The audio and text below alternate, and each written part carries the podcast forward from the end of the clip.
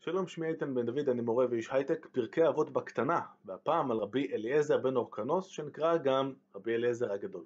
נקודת הפתיחה שלנו היא רבן יוחנן בן זכאי, האיש שהמציא מחדש את היהדות עם חורבן בית שני, הוא זה שיוצא מירושלים, עובר ליבנה ובונה שם מחדש את, ה, את, ה, את היהדות דרך קבוצה של חכמים שמנסים לראות איך אנחנו בונים את היהדות מחדש לא כמשהו שנשען על המקדש ועל הקורבנות, אלא משהו שנשען על ספרים וסידורים ותפילה. לרבן יוחנן בן זכאי יש חמישה תלמידים מובילים, והוא מונה את שבחם. הוא אומר, רבי אליעזר בן אורקנוס, בור סוד שאינו מאבד טיפה. כלומר, בור מים מסויד, שכל המים שאתה שם בו, הרי מה, למה, למה אנחנו משתמשים בבור מים כמובן? כדי שהמים יישמרו, ובאמת, הוא לא מאבד טיפה. כל מה שאתה אומר לו, כל מה שאתה למד, מלמד אותו הוא זוכר, ובאמת לרבי אליעזר כוח זיכרון עצום, והיתרון היחסי שלו בעולם של הגמרא, שבאמת מלאה בדמות שלו ובנוכחות שלו, זה שהוא תמיד יודע להגיד מה אמרו, מה אמרו רבותיו, והוא יודע להעביר את הדברים בצורה מדויקת. מיד לאחר מכן אומר רבן יוחנן בן זרקאי, אם יהיו כל חכמי ישראל בכף מאזניים, ורבי אליעזר בן אורקנוס בכף שנייה מכריע את כולם, עד כדי כך הוא חזק ומוביל והכל נשמע נהדר, אבל האמת היא שזה ממש לא נהדר. כי רבי אליעזר מתעמת שוב ושוב ושוב ושוב בבית המדרש עם קבוצה של חבר'ה חדשים שגילו דרך חדשה אה, ללמוד תורה, דרך חדשה שנקראת מדרש, שבה, אה, ש, שבמסגרתה אפשר בעצם לצקת תוכן חדש, להגיע לתובנות חדשות, לא רק להסתפק בלחזור מחדש על המסורת ומה שנאמר בהר סיני ובכל שלשלת העברה, אלא פתאום להגיע לתובנות חדשות.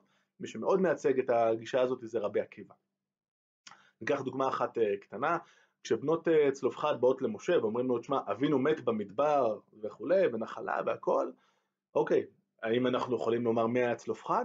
בואו נסתכל על המילה במדבר, כי יש מקום אחר, הרבה לפני זה, כשבשבת הראשונה אה, שניתנת לעם ישראל, מישהו לא מבין את הרמז והולך לקושש עצים, עושה מלאכה ולכן, ולכן מוצאים אותו להורג, גם שם מופיעה המילה במדבר, ולכן, מכיוון שבתורה שום דבר לא מופיע סתם, הרי התורה ירדה מהשמיים.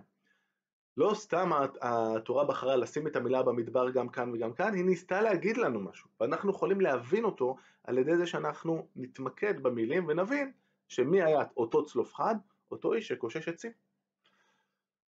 הגישה הזאת באמת מאפשרת לתת ביטוי לכוח יצירתי שמן הסתם ביעבע בעם היהודי במשך המון המון זמן, אבל עד עכשיו, בגלל העוצמה הכל כך גדולה של הרעיון של העברה ושל המסורת, זה לא יכול היה לבוא לידי ביטוי, ועכשיו זה כן. ונורא ברור למה החכמים, הדור החדש קופץ עליהם כמוצא של רב, נורא ברור גם למה רבי אליעזר, שגם ככה מסתמן כבד, כבן אדם שהיה לא הכי נעים הליכות שבעולם, כל הזמן קפצו לו הפיוזים. לכל הסיבוך הזה נוסיף גם את הגישה של הנשיא באותו זמן, הדמות הפוליטית הבכירה, רבן שמעון בן גמליאל, ש... ועוד נסבך ונגיד שהוא גם גיסו של רבי אליעזר, רגע חבר'ה, הרגע החורבן בגלל שנאת אחים, בואו נוודא שיש לנו פה כמה שפחות מחלוקות, ושאנחנו כמה שיותר מסכימים, די כבר עם כל הריבים והפיצולים והשיטות האלה. אה, את רבי אליעזר זה לא משכנע והוא שוב ושוב מתעמת עם החכמים והעניינים מגיעים לשיא בפיצוץ סביב סוגיה טכנית למדי וקצת אזוטרית שנקראת תנורו של אחנאי, לא ניכנס נורא לפרטים אבל זה תנור שעשוי מכמה חתיכות שחוברו ביחד והשאלה אם הוא טמא או טהור בנסיבות מסוימות, לא נורא משנה, בעיקר רבי אליעזר אומר X, החכמים אומרים Y, ולרבי אליעזר כבר נמאס ואומר אם אני צודק החרוב יוכיח, רואים פה את העץ? שימו לב מה קורה, והחרוב רואים אותו מרים ככה את המכנסיים, הולך כמה עשרות מטר מצידה, נעמד. חכמים לא מתרגשים, אין מביאים ראייה מן החרוב, יש לך טיעונים טובים לביסוס לטיעון שלך, בוא תביא אותם ואל תזיז לי פה חרובים ממקום למקום. והוא מזיז שם את האמת מים, שהמים יזרמו בכיוון ההפוך, ומאיים להפיל את כותלי בית המדרש, ובסוף אלוהים פותח את מערכת הכריזה, יוצאת בת קול מהשמיים ואומרת, מה לכם אצל רבי. אצל אליעזר בני שהלכה כמותו בכל מקום, תפסיקו, הוא צודק, די. ואז רבי יהושע בן לוי, אחת מדמויות המפתח של הדור החדש, אומר, אה, חבר'ה, כבר אנחנו לא משגיחים בבת קול כי כבר ניתנה תורה מן השמיים, שנאמר לא בשמיים היא. בואו נפרק את זה רגע ונבין מה הוא אומר. קודם כל הוא אומר, היה הר סיני, אלוהים נתת את התורה, עכשיו קח צעד אחורה, אנחנו פה עכשיו, אנחנו אלה שקובעים, זאת אמירה מהממת. אבל גם הוא עושה את זה על ידי זה שהוא עושה מדרש על הפסוק בתורה שאומר לא בשמיים היא. ההקשר שם, ההקשר המקורי, הוא שאלוהים אומר חבר'ה, התורה שנתתי לכם היא לא דבר נורא רחוק ונורא קשה ונורא מסובך, היא לא נמצאת מעבר לים ולא בשמיים, בפיך ובלבבך לעשותו, אתה יכול לעשות אותו, הכל בסדר. ולקחת את הפסוק הזה ולהפוך אותו על פיו בצורה כזאת ולהגיד לא בשמיים היא עכשיו אנחנו קובעים, זאת אמירה מהממת שנותנת לנו הצצה לאיך הדבר הזה באמת אה, עבד.